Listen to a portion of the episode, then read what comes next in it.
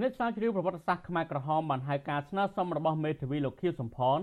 ឲ្យទម្លាក់ចោលការផ្ដន្ទាទោសលោកខៀវសំផនមួយជីវិតនោះគឺជាការប្រមាថអ្នករងគ្រោះរាប់លាននាក់ដែលស្លាប់នៅក្នុងរបបខ្មែរក្រហមនាយកនៃមជ្ឈមណ្ឌលឯកសារកម្ពុជាលោកឆាំងយុមានប្រសាសន៍ថា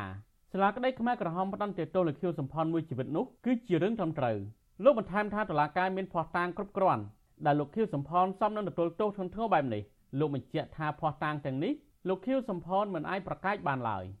ខ្ញុំថាมันអាចទេបាទដោយសារថាមិនមែនជាការសម្រេចឡើងដោយបុគ្គលមួយចៅក្រមម្នាក់ឬក៏ជាការសម្រេចមួយដោយលក្ខណៈមួយមិនដំណាភាពបាទខ្ញុំគិតថាជាតលហើយកមួយដើម្បីលើកលើកឡើងដើម្បីបំភាន់មតិសាធារណជនហើយព្យាយាមយកការគ្រប់គ្រងពីសាធារណជននៅក្នុងសំណុំរឿងរបស់ខ្លួនម្យ៉ាងវិញទៀតចំពោះ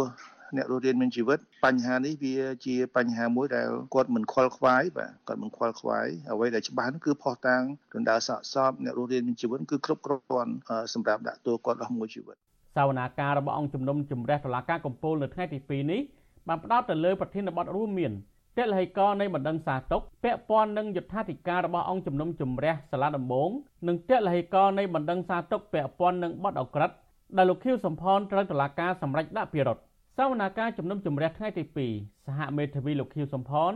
បានស្នើទៅអង្គជំនុំជម្រះតុលាការកំពូលនៃសាលាក្តីខ្មែរក្រហមបដិសេធសារក្រមដល់សម្រេចផ្តន្ទាទោសលោកខៀវសំផនអតីតប្រមុខរដ្ឋក្នុងរបបខ្មែរក្រហមដាក់ពន្ធនាគារអស់មួយជីវិតនោះទុកជាមោឃៈសហមេធាវីសំអាងថាអង្គជំនុំជម្រះសាលាដំបងមិនបានគោរពវិធានការច្បាប់លោកមេធាវីគង់សំអនសហមេធាវីការពារក្តីឲ្យតៃតាមេដឹកនាំខ្មែរក្រហមលោកខៀវសំផនបានឲ្យអសិលសេរីដឹងថា មូលហេតុដែលលោកសុំមុខភាពរបស់សាលក្រមសាលាដំបងនោះដោយសារតែសាលក្រមនេះបានចេញយឺតក្រោយពីអង្គជំនុំជម្រះសាលាដំបងបានប្រកាសរហូតដល់6ខែដល់បញ្ហានេះធ្វើឲ្យប៉ះពាល់ដល់សិទ្ធិរបស់លោកខៀវសំផនក្នុងការដាក់ពាក្យប្តឹងឧទ្ធរណ៍ នៅពេលដែលប្រកាសសារក្រមហ្នឹងគឺអង្គជំនុំជម្រះសាលាដំបងមិនមានសារក្រមដើម្បីប្រកាសទេគឺនៅពេលដែលប្រកាសហ្នឹងគឺប្រកាសតែដូចជាជាអង្គហេតុសង្ខេបណាជាជារបៀបរបៀបជាសារក្រមសង្ខេបអញ្ចឹងទៅធ្វើឲ្យប៉ះពាល់ដល់សិទ្ធិធ្វើបណ្ដឹងអធររបស់លោកខៀវសំផនដែលគាត់មិនអាចធ្វើបណ្ដឹងអធរទេរហូតដល់ទៅច្រើនខែក្រោយមកបានតុលាការ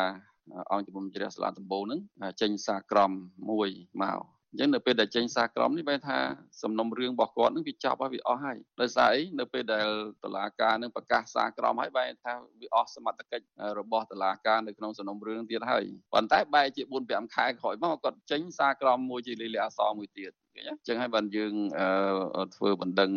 ដើម្បីមកភាពសារក្រមហ្នឹងហើយ ក៏យើងមានការតវ៉ារឿងការបកស្រាយទៅលើអង្គហេតុនិងអង្គច្បាប់ក៏ដូចជានីតិវិធី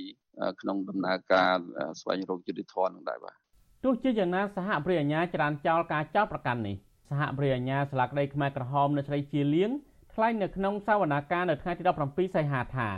ការចំទាស់ទៅនឹងសារក្រមអង្គជំនុំជម្រះសាលាដំបងគឺជាសិទ្ធិរបស់លោកខៀវសំផនតែការចំទាស់នេះមិនទទួលបានជោគជ័យនោះទេ ដោយសារតែការលើកឡើងរបស់សាលក្រមឆ្លាតដំបងនោះផ្អែកទៅលើភាពត្រឹមត្រូវតាមច្បាប់និងភ័ស្តុតាងជាច្រើនទៀតអតីតជនរងគ្រោះនៅក្នុងរបបខ្មែរក្រហមនិងជាដើមបណ្ដឹងរដ្ឋបវេនីកញ្ញាសេងធីរីមានប្រសាសន៍ថាការទៀមទារបស់សហមេធាវីខៀវសំផនយ៉ាងណានោះគឺជាសិទ្ធិប៉ុន្តែវាមិនអាចកែប្រែប្រវត្តិសាស្ត្របានទេថាលោកខៀវសំផនជាមេដឹកនាំនៅក្នុងរបបខ្មែរក្រហម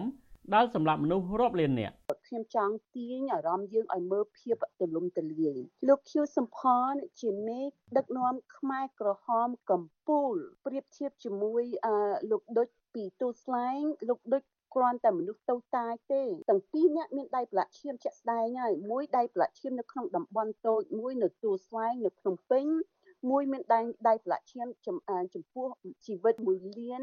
7សែននាក់លោកដូច មានដៃប្រឡាក់ឈាមចំពោះ15000នាក់ប៉ុន្តែរបបផ្ដាច់ការហ៊ុនសែននេះចង់ដាក់កំហុសទាំងអស់លើលើដូចប៉ុន្តែ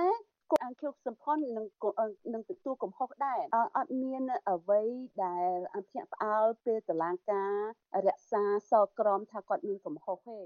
សាលាក្តីខ្មែរក្រហមបានសម្រេចផ្តន្ទាទោសប្រមុខរដ្ឋនៃរបបកម្ពុជាប្រជាធិបតេយ្យលោកខៀវសំផននិងអនុលេខាធិការបកកុម្មុយនីសកម្ពុជាលោកនួនជា ឲ្យជាប់ពន្ធនាគារអស់មួយជីវិតក្នុងសំណុំរឿង002វគ្គ2កាលពីឆ្នាំ2016ប៉ុន្តែលោកខៀវសំផនមិនទទួលយកការសម្រេចរបស់សាលាដំបងនេះទេលោកបានប្តឹងទាស់ទៅតុលាការកំពូលទៀតសំណុំរឿង002វគ្គ2នេះតុលាការខ្មែរក្រហមបានចោទប្រកាន់លោកខៀវសំផន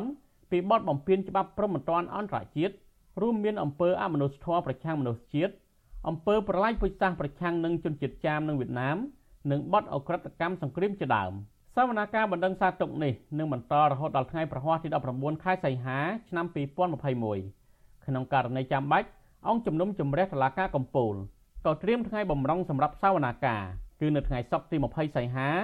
និងចាប់ពីថ្ងៃច័ន្ទទី23ដល់ថ្ងៃសុក្រទី27សីហាឆ្នាំ2021ជាដើមខ្ញុំទីនសាការីយ៉ាស៊ីសេរីប្រធានីវ៉ាស៊ីនតោន